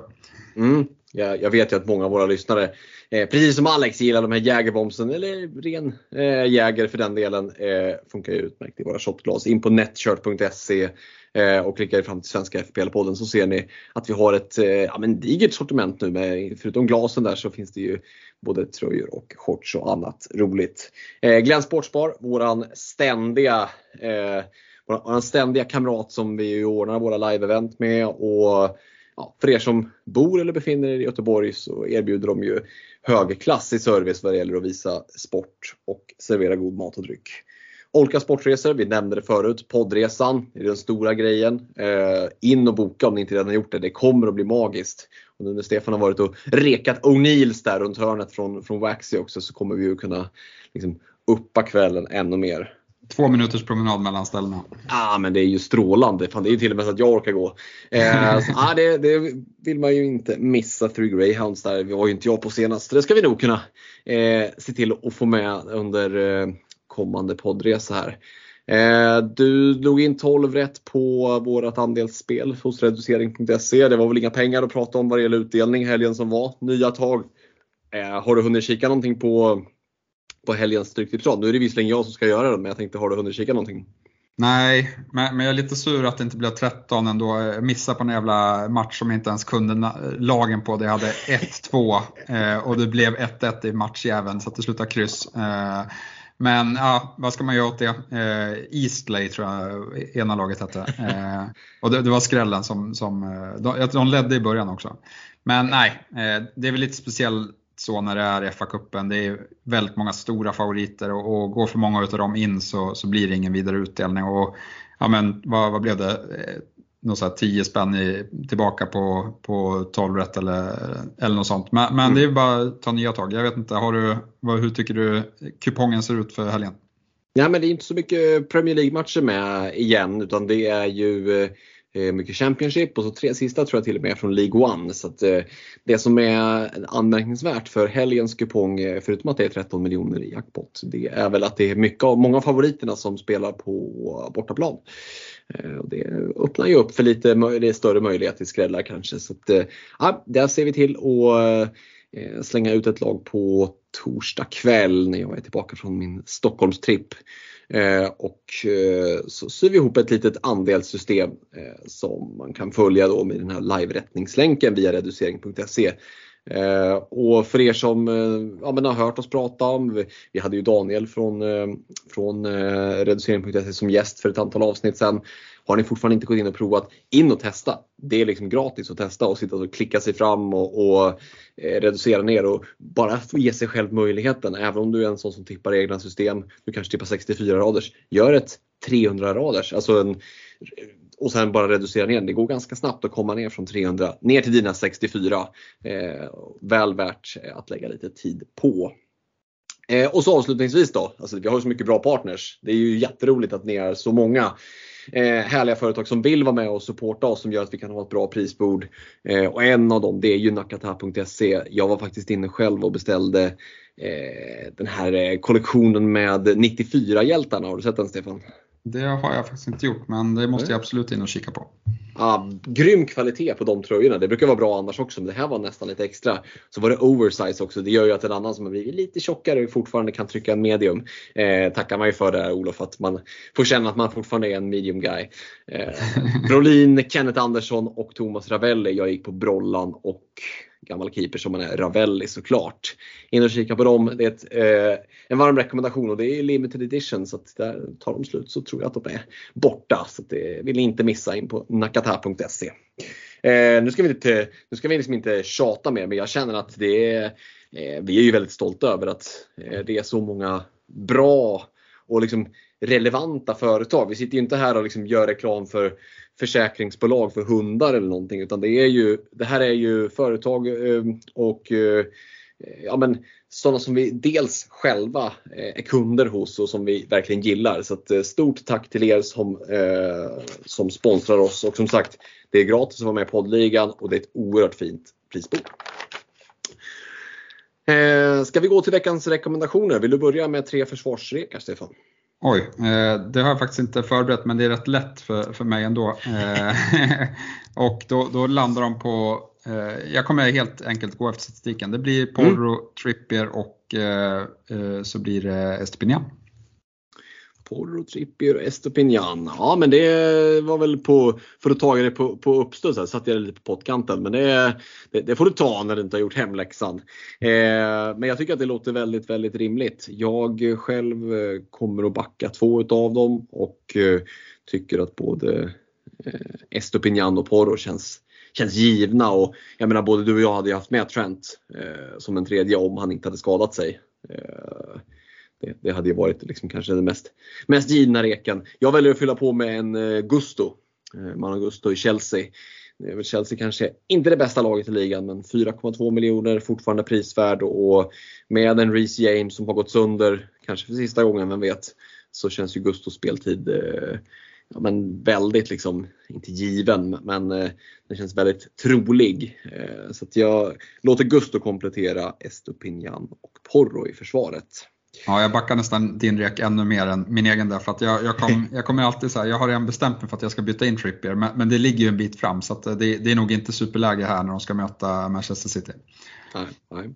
Eller också bara går man på statistiken. Vi hör ju om de som kommer liksom topp Topp 50 i spelet som, som inte har sett en match, bara läser statistik. Så det, man vet, det kanske är ett, ett, ett, någonting att gå på också. Eh, jag väljer att gå vidare till, till mittfältet eh, och här finns det ju, som vi var inne på när vi pratade statistiken och tidigare, att här finns det att välja på. jag landar i Pascal Gross, Richarlison och Phil Foden som mina tre mittfältsrekar. Hade kunnat haft med Cole Palmer, alltså, jag hade kunnat nämnt liksom fyra, fem namn till. Men måste jag gå på tre stycken då tycker jag, vi var inne på det, Pascal Gross, både statistiken och spelschemat och the eye test och att det är många av de som stjäl speltid på offensiva positionerna är borta. Det finns väldigt mycket som talar för Pascal Gross. Ehm, och det är också en sån här spelare som flyger lite under radarn. Har gjort 82 poäng. En TSB på 4,3 procent. Det är liksom Uppenbarligen har ju inte den stora horden av FPL managers hittat dit. Så att kliver man in på Pascal Gross nu så är man tidig. Eh, känns given i reken. Eh, Richarlison, ja du var inne på det. Vad kommer vi se för Spurs nu? Ja, men snart är Madison tillbaka och eh, Postecoglou kommer säkert att fortsätta brassa på framåt. Och, ja, men Richarlison eh, känns ju som att han är lite i formen då. Eh, känns också rätt trygg med honom i reken. Och sen så avslutar jag med Phil Foden, du var inne på formen. Eh, kanske inte att han har statsen men eh, ja, när, när Haaland nu är tillbaka, De Bruyne börjar komma tillbaka. Jag tror att det är positivt i grund och botten för Foden. Även om han kanske får flytta på sig lite och, och lämna ifrån sig bollen lite mer så är det två världsspelare som ska in. Så att, nej, eh, Phil Foden känns eh, ja, men som ett bra komplement. Gross, Richarlison, Foden har du något annat att komma med på mittfältet? Ja, alltså jag har ju det. Alltså, det, det är bra rekar såklart, men, men jag kan inte reka en Richarlison. Han, hans uppsyn stör mig. Eh, jag, jag, tycker att han har fått eh, bra utdelning och jag tycker att det finns frågetecken för, för Spurs nu. Får se om de löser det eller inte. Eh, jag drar in en, en Diego Jota eh, istället mm. för Richarlison i reken eh, och tycker att det är ett roligt alternativ på mittfältet eh, och där kommer man sitta väldigt mycket mer ensam än eh, man kommer på en, en Richarlison. Mm, det har du helt rätt i. Eh, två anfallare då, vad, vad landar vi där? Ja men det blir ju Solanki eh, som alternativ. Sen kan man inte riktigt reka Håland eh, tycker jag. Då får det nästan bli en, en Darwin Nunez ändå. Eh, jag, jag, jag backar inte Watkins här utan han ägs redan av för många. Eh, så vi, vi kör på Solanke och Nunez. Mm, och då avslutar vi i, ja, men liksom på samma sida på något sätt för att jag, eh, jag väljer att backa den. Darwin Solanke. Solanke, du var inne på det förut, kommer ju få sin double game week där. Vet inte riktigt när men, men eh, den ska ju komma någon gång. Eh, och har ju liksom statsen och, och straffarna och, och du sa väl det senast att ja, men de får ju inga straffar Bournemouth. Vad händer då? Även om de gick och, och fick en straff. Så att, eh, eh, men han känns väl given. Och, David Nunez, är det någon man ska chansa på då är det väl en sån spelare. Och, och visst, det går att sitta och, och slita sitt hår men, men äh, jag känner att jag backar också den reken. Um, Mm. Ska vi glida vidare mot en kaptensdiskussion för Game Week 21? En väldigt som sagt udda Game Week 21. Eh, vi fick ju ändra deadline här för några dagar sedan när man flyttade fram Burnley Luton till fredag den 12 januari och eh, 19.15 på fredag är det deadline. Se till att inte missa det för det kommer säkert att vara en hel del som, ja men nu när det har varit lite stökigt med eh, eh Afrikanska mästerskapen och det är Asian Cup och det, det har varit väldigt intensivt under december så dras det ut nu. 19.15 på fredag den 12 alltså. Burnley-Luton, är det givna fredagsunderhållningen eller? ja, det, det, kan det ju kan det bli. Ja, fast det känns, eh, känns sådär på förhand. Det är kanske inte där vi hittar kaptensalternativen ändå. Nej, det, det, ska väl eh, mycket till för att eh, vi ska ha någon, eh, någon därifrån. Jag kommer inte ha någon till spel till att börja med. Men, men folk kanske sitter med en, en Taylor eller liknande. Mm. Ja, vi får se om han, om han är tillbaka där från den där axelskadad. Men som sagt, 12 januari sparkar eh, gameweeken igång. Sista matchen i gameweeken är Brighton Wolves. Den är 22 januari, 10 dagar senare. Eh, det här ställer ju till det lite. Många presskonferenser kommer att ske efter deadline. Vi har redan som sagt skiten som har träffat fläkten. Det, är väl, liksom, ja, det finns ju inget som säger att det inte kommer att fylla på ännu mer med skador fram till matcherna kommer. Eh, vad är känslan liksom med binden? Har du landat helt eller sitter du och spanar matcherna? Det, det finns ju lite ett spann kan man säga. Det ska bli någon form av vinteruppehåll där ja, men hälften av lagen spelar första helgen och så går det en vecka och så kommer resten helgen därpå. Är det så att du känner att du gärna vill sätta en bindel i, i första helgen eller hellre vill spara den? Eller hur tänker du kring det? Eh, nej, men jag tror att jag kommer sätta den på den jag spelar jag tror tar mest poäng. Eh, mm. Sen har ju två kaptensalternativ försvunnit här i, i, i Bowen och eh, Trent. Eh, mm. De eh, övervägde jag båda två eh, för binden. Men just nu sitter bussbinden på Saka följt av Palmer som, som vice kapten. Eh, och jag kommer fort, jag, eller jag är rätt säker på att jag kommer backa Saka. Eh, han har ju sett eh, helt bedrövlig ut framför mål. Jag såg det ju live. Eh, han fick någon boll till skänks eh, på, på Craven Cottage. Jag tror att det var Fulham som misslyckades att rensa bollen. Den bara dimper ner i målområdet och han lyckas skjuta upp den på läktaren. Eh, såg inte riktigt, jag har inte kollat upp den situationen i efterhand hur bra läge det var, men det kändes som att det var liksom ett 90% läge som han inte ens får träff på bollen. Eh, men med det sagt så eh, Arsenal drar iväg nu till Dubai eh, någon vecka. Lite varmt väder, lite avslappning, kommer tillbaka med ny energi och jag tror att de kommer se över Crystal Palace faktiskt. Mm, Crystal Palace hemma är ju någonting annat än Crystal Palace borta, det vet ju du om inte annat. De lär väl vara revanschsugna här nu Gunners så ska de haka på i toppen då är det nog läge att, att, att gå och, och, plocka tre poäng för nu har man haft en, en ganska svag period. Men det är väl, Palace hemma är väl en ganska tacksam munsbit liksom. Det är ett bra läge att studsa tillbaka på. Eh, och det är väl kanske den bästa matchen får vi väl ändå säga. Chelsea har Fulham hemma, City har Newcastle borta som är en ganska svårbedömd match. Nu, nu vann de ju Newcastle sitt derby där men har ju varit urusla. Så. Ehm, och Liverpool har sitt boogie team på bortaplan, Bournemouth. Det har, har, vi sett mer än en gång att man haft svårt att åka till Vitality och få med sig någonting. Eh, vad, eh, vad tänker du kring Liverpool-alternativen där? Eh, är det någon, någon, som skulle kunna vara ett alternativ nu trots att varken Trent eller Salah spelar? Nej, alltså jag tycker att eh, om man har Darwin eller Jota eller någon annan så är det tillräckligt mycket eh, differential eh, mm. till att börja med. Då, då, vill jag ha någon väldigt fin hemmamatch på, på Anfield om jag ska bindla dem också. Eh, utan har de i laget, fine. Eh, skulle aldrig bindla dem mot eh, Bournemouth borta. City där då, Newcastle borta, Phil Foden, skulle det kunna vara ett alternativ? Ja, alltså han har ju sett uh, ut att vara i bra form, uh, så att det är väl absolut ett alternativ. Sen, sen tror jag att uh, vi kommer få se ett, ett Newcastle som, som är bättre, som har fått lite mer energi nu med vilan. Så jag tror inte att det blir någon enkel match för, för City där. utan jag kommer gå på, på Saka och, och, mycket på grund av det här, du vet när man haft några matcher där det inte gått som man har velat. Få, mm. Säg att Arsenal får 1-0 tidigt i den här matchen, de kommer bara fortsätta. de kommer de kommer ju försöka göra så mycket mål som möjligt för de kommer vara frustrerade för de här matcherna som de har bommat nu. Eh, och jag ser att det kan springa iväg om, om det nu blir så att, eh, att det blir en sån matchbild.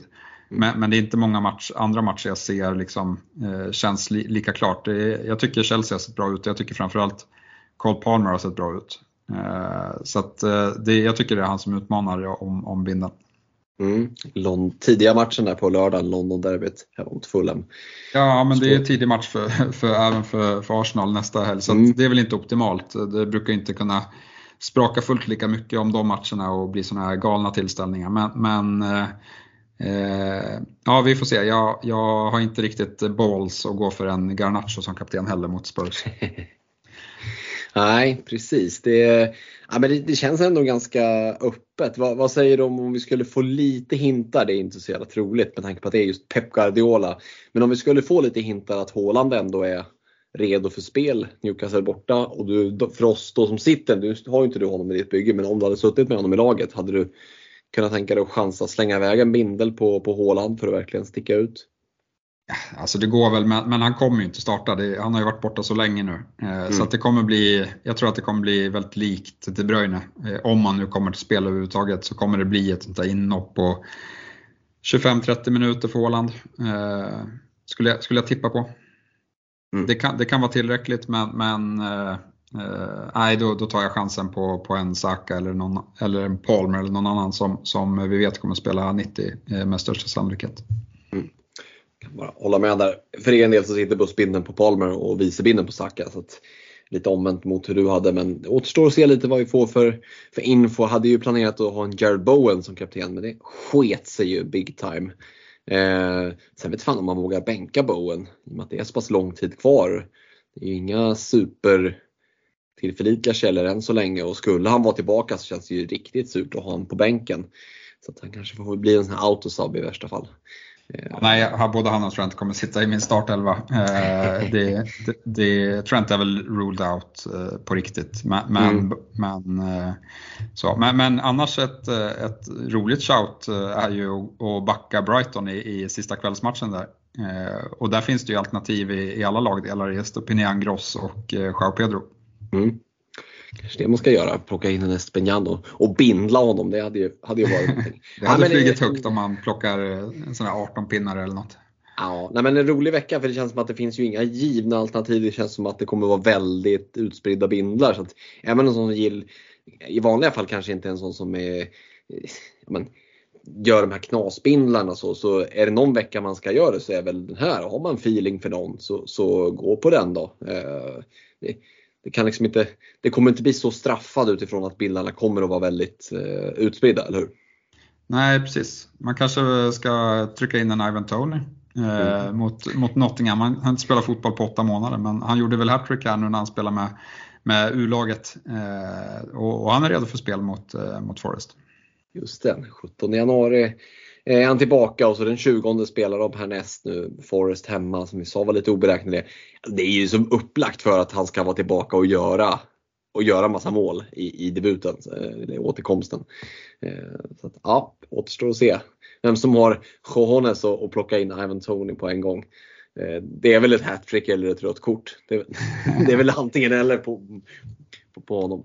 Eh, vi får se. Vi lämnar kaptensdiskussionen där och som sagt gör en sista påminnelse om att eh, deadlinen är ändrad till fredag 12 januari 19.15. Eh, ska vi avsluta med lite lyssnarfrågor? Vi har ju hållit på ett tag men, men vi har fått in en drös lyssnarfrågor så det är klart att vi ska beta av eh, åtminstone ett par stycken. Vi har fått eh, tre frågor om är det värt att ta minus fyra? Både Robert Jonsson, Simon Nilsson och Johan Dahlgren undrar Ja, Robert undrar, är det värt att ta minus 4 för att byta ut eh, Jesus mot Håland? Jag är osäker på Jesus start och ja, vi är väl osäkra på Hålands start också. Så att ska man byta ut Jesus minus 4 så är det kanske inte mot Håland. Alltså plocka, Håland, plocka in Håland för minus 4 känns väl väldigt eh, risky, eller hur? Ja, eh, sen, sen eh, är det ju, alltså, det där är ett knepigt läge för att vi vet ju inte om Jesus eh, kommer till start heller. Nej. Men nej, jag hade inte tagit, då hade jag gjort det bytet veckan efter sånt fall. Mm. Simon Nilsson var inne på att plocka in Bowen och det var väl eh, antingen så innan, var frågan ställd då innan han skadade sig eller så eh, var han inte riktigt med på att han har eh, dragit på sig en skada så Bowen vill han ju inte ta in hålet känns känns osäker. Så att, att byta ut spelare och ta minus 4, absolut. Men håll koll på vilka ni plockar in. Eh, Johan Dahlgren där, han var inne på om det var värt att ta minus 4 för att ersätta Sinchenko eller Taylor med exempelvis Estopinian eller Porro. Sitter redan nu med Trent, Saliba, Sinchenko, Taylor och Romero. Ja, det är ju en väldig uppgradering att gå till Estopinian eller Porro från Charlie Taylor. Ja, verkligen. Jag tycker, jag tycker det är spännande byten. Eh, mm. Jag skulle kunna backa båda två. Jag hade prioriterat Estopinian först eh, med tanke på att, eh, att Porro ändå ska till Old Trafford och spela. Så känns det lite tuffare. Å andra sidan har väl inte United imponerat på defensiva fasta situationer så att det kan säkert bli någon, någon offensive return från Poros fot i den matchen. Eh, vi har fått lite frågor om budgetbackar både från David Karlsson och Henrik Karlsson. David där, han skriver god fortsättning, vi önskar detsamma. Eh, vilka budgetbackar är bästa valen framgent? Han bollar själv upp Gusto och Branthwaite. Och, och jag hade med Gusto i reken där så du var inne på att eh, den kunde du tänka dig att backa och det känns väl som ett väldigt klokt alternativ om man nu behöver gå på en budgetback. Ja, det tycker jag. Eh, det finns uppsida i honom som inte finns någon annanstans, eh, skulle jag säga. Eh, Brath, Brath eh, jag, jag, kan inte ens uttala hans namn. Ja, Brath, men men han, där ska man ju liksom, där är ju nollan primärt. det ska ju väldigt mycket till eh, om man får eh, någon offensiv return från honom. Det är klart att man kan ha flax på någon hörna så när han går upp och, och knoppar in den, men eh, det får man se som en väldig bonus i sånt fall. Mm. Medan det är mycket mer troligt att, att Gustav kommer iväg med någon, någon assist i, i de här matcherna. Ja, precis. Eh, Henrik där, han skrev en tredje, fjärde mittback för 4,5 plus minus eh, 1.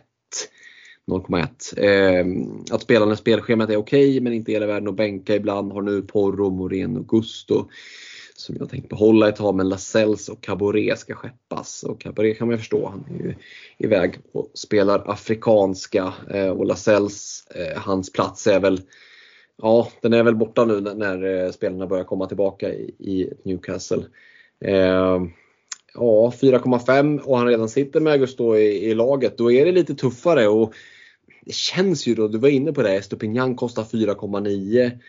Är det liksom värt att, att, spara ett byte och sen övervintra de här killarna ytterligare en vecka, spara på sig ett byte och kunna göra som en del av dubbelbyte och faktiskt uppgradera eh, Caboret till Estopignan för så mycket dyrare är det inte och sen kanske spara in de pengarna på en annan position eller tycker du att det är värt att bara göra ett, ett rakt sidledsbyte? Ja, jag tycker Estopignan lockar jättemycket. Sen kan det vara svårt att hitta dit eh, den vägen och, och sen vet jag inte om, liksom, om man behöver spela den just till den här veckan eller inte. Eh, annars kan jag väl tycka, vad, vad kostar Bottman nu till exempel?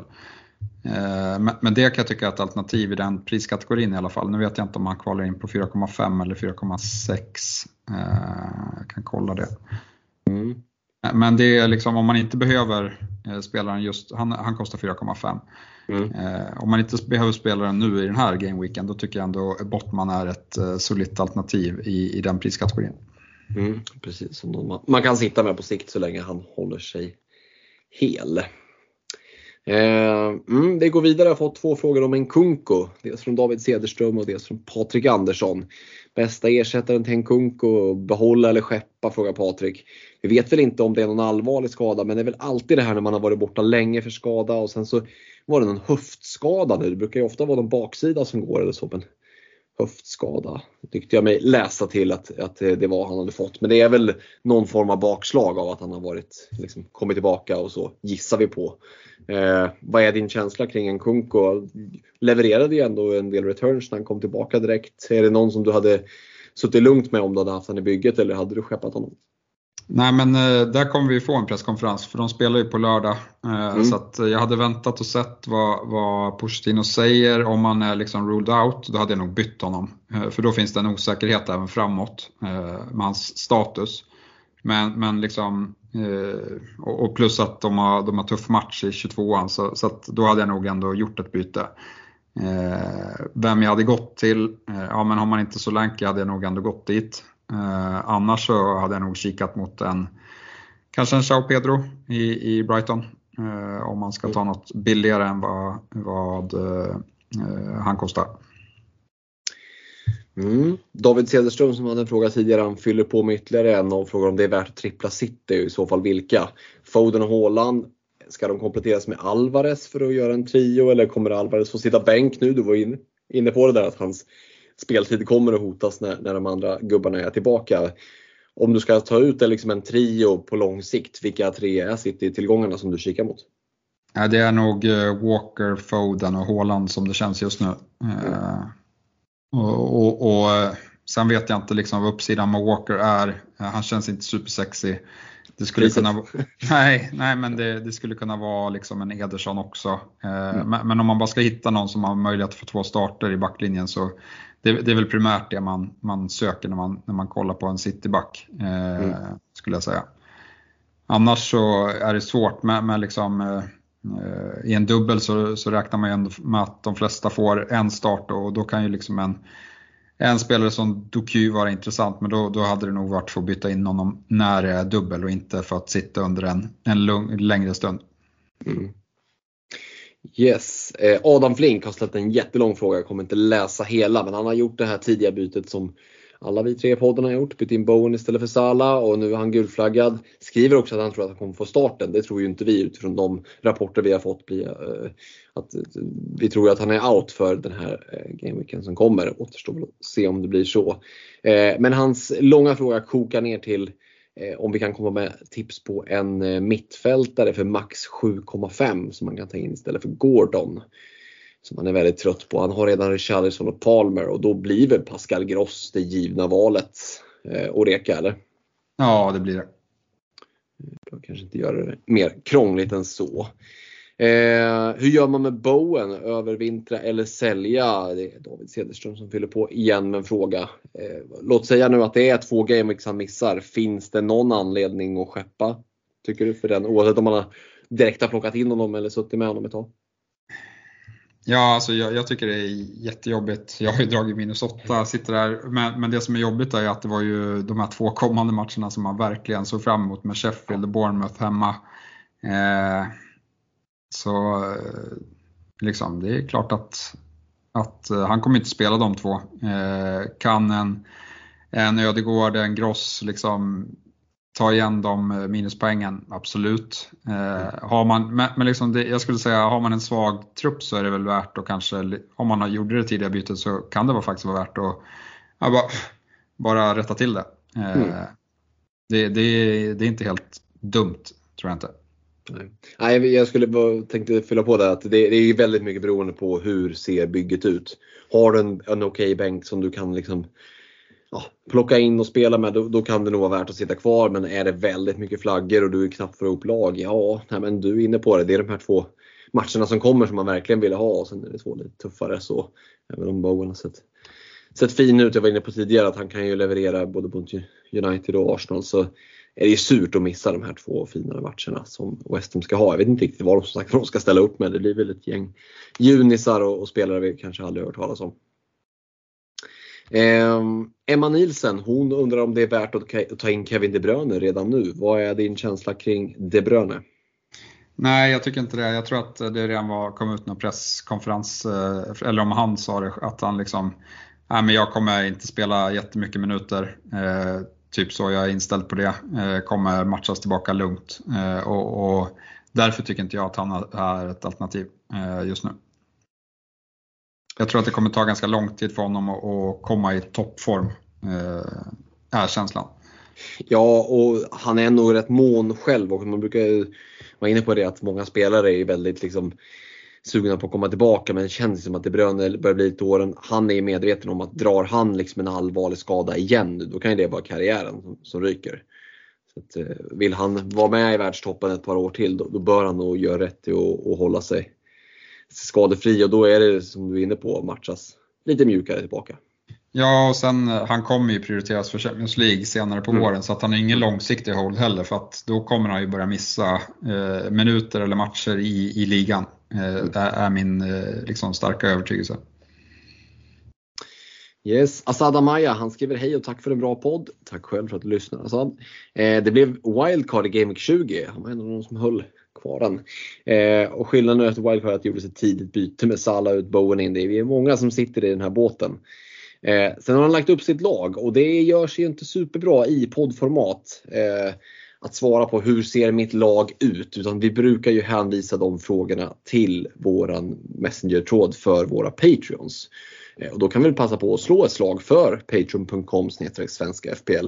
Just de här typen av frågorna. Vad tycker du om det här laget? Det här är mitt eh, WC-lag. Eh, eh, vi har sett ganska mycket sådana inlägg nu i, i den här eh, Patreon-tråden och eh, ett mycket bättre format. Dels för att vi har möjlighet att svara, alla andra managers som är med.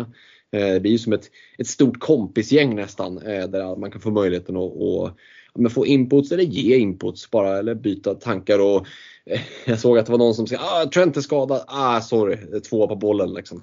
Eh, det, det går nästan snabbare att gå in i Messenger-tråden och få uppdateringar än att scrolla Twitter. Eh, så det är också en, en anledning till att joina oss. Så att, eh, vi hänvisar Assads fråga, vad tycker ni om mitt wildcard och den typen av frågor till våra Messenger-trådar för våra Patreons. 25, 35 eller 50 kronor i månaden. Patreon.com svenska FPL. Eh, vi ska hinna med några frågor till. Karl Kviding, han skriver att han har två fria byten och inget kaptensval. Sitter med Son och Sala och Bowen. Och eh, ja, det ser ju eh, flaggigt värre ut. Eh, och bussbindeln skrev att han hade på Trent och nu har ju Trent också dragit på sig skada. Eh, han var lite inne på om man skulle göra Sterling som han också sitter på till Palmer för att sätta binden där. Är det ett eh, sidledsbyte som du skulle kunna backa, att göra Sterling till Palmer? Ja, jag tycker Palmer är mycket bättre att sitta på än Sterling som inte är helt eh, given längre i Chelsea. Eh, mm. Nu när Madueka har kommit tillbaka eh, och vi har sett Sterling på bänken någon gång så, så, så jag hade inte varit helt övertygad om att hans speltid är, är garanterad. Så, så det är väl absolut ett alternativ. Mm. Eh, Claes Briland, han undrar vad man gör med Trent om man också sitter med Bowen och tänkte överväntra honom. Sitter man kvar med Trent lugnt eller finns det någon anledning att sälja? Ja, men Trent missar nog bara en gameweek vad, vad liksom rapporterna som har kommit ut eh, gör gällande. Eh, mm. så, så verkar det inte vara jätteallvarligt och att han har absolut en chans att vara tillbaka till, till Chelsea-matchen. Eh, så att han tycker att man sitter kvar med om man, om man äger, för spelschemat är ju grymt eh, eh, sen där 24-25. Eh, och, och 25 ska vi väl säga också att att det eventuellt vankas dubbel för, för Liverpool med tanke på att de är vidare i, i kuppen och så, så finns det inte jättemånga eh, lediga speldagar kvar för, för Liverpool på, på vårsäsongen så att det ryktas väldigt mycket om att eh, den här dubbelmatchen kommer tryckas in i Game Week 25. Mm. Ja men precis. Det, är ju, det känns som att det är ganska snart och vi borde få, eh, vi borde tycker vi få eh, ja, men besked om hur det blir. Men det är väl det att det är så pass många dagar kvar. Vi, vi lever kvar lite, eh, lever kvar lite i, i ja, men decembertänket med att liksom, på en vecka går det tre gameweeks ungefär och nu, nu är det ju inte riktigt så. så att, Game Week 25 känns nära men börjar man kolla datum så, så är det fortfarande en bit bort ändå. Ja. Vi ska ta en sista fråga innan vi stänger igen butiken. Det är från Magnus Rengman. Han undrar om Neto kan vara ett bra alternativ eh, nu igen. Eh, och så var han lite inne på Trent där också. Men om vi håller oss till frågan med Pedro Neto. Wang försvinner iväg till Asian Cup som har gjort det bra. Neto var ju en sån där, men när han har varit skadefri så har han ju haft både statsen och, och ja, men varit inblandad i mycket. Skulle han kunna bli någonting i ett i övrigt ju ganska osexigt eh, Wolverhampton men Pedro Neto, är det någon som skulle kunna locka? Eh, ja, alltså jag, jag, gillar honom som spelare men när jag kollar på matcherna så blir jag inte lika sugen. Eh, då, då hade jag försökt hitta upp eh, och få pengar till en Pascal Gross eh, eller, eller liknande.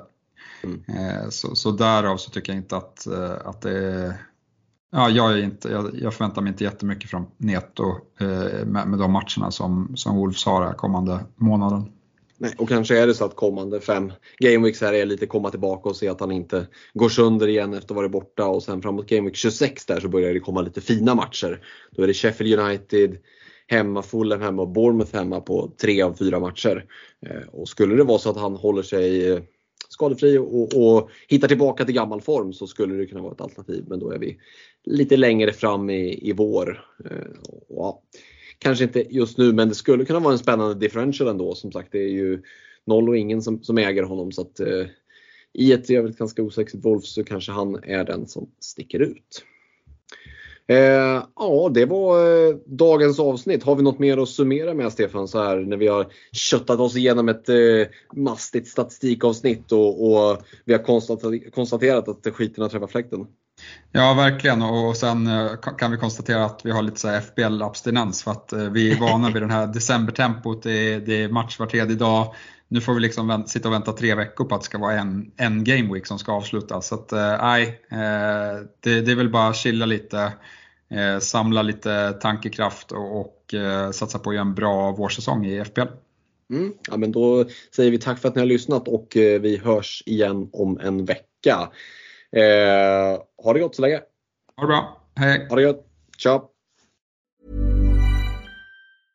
Mom deserves the best, and there's no better place to shop for Mother's Day than Whole Foods Market. They're your destination for unbeatable savings, from premium gifts to show-stopping flowers and irresistible desserts. Start by saving 33% with Prime on all body care and candles. Then get a 15-stem bunch of tulips for just $9.99 each with Prime. Round out Mom's menu with festive rosé, irresistible berry chantilly cake, and more special treats. Come celebrate Mother's Day at Whole Foods Market.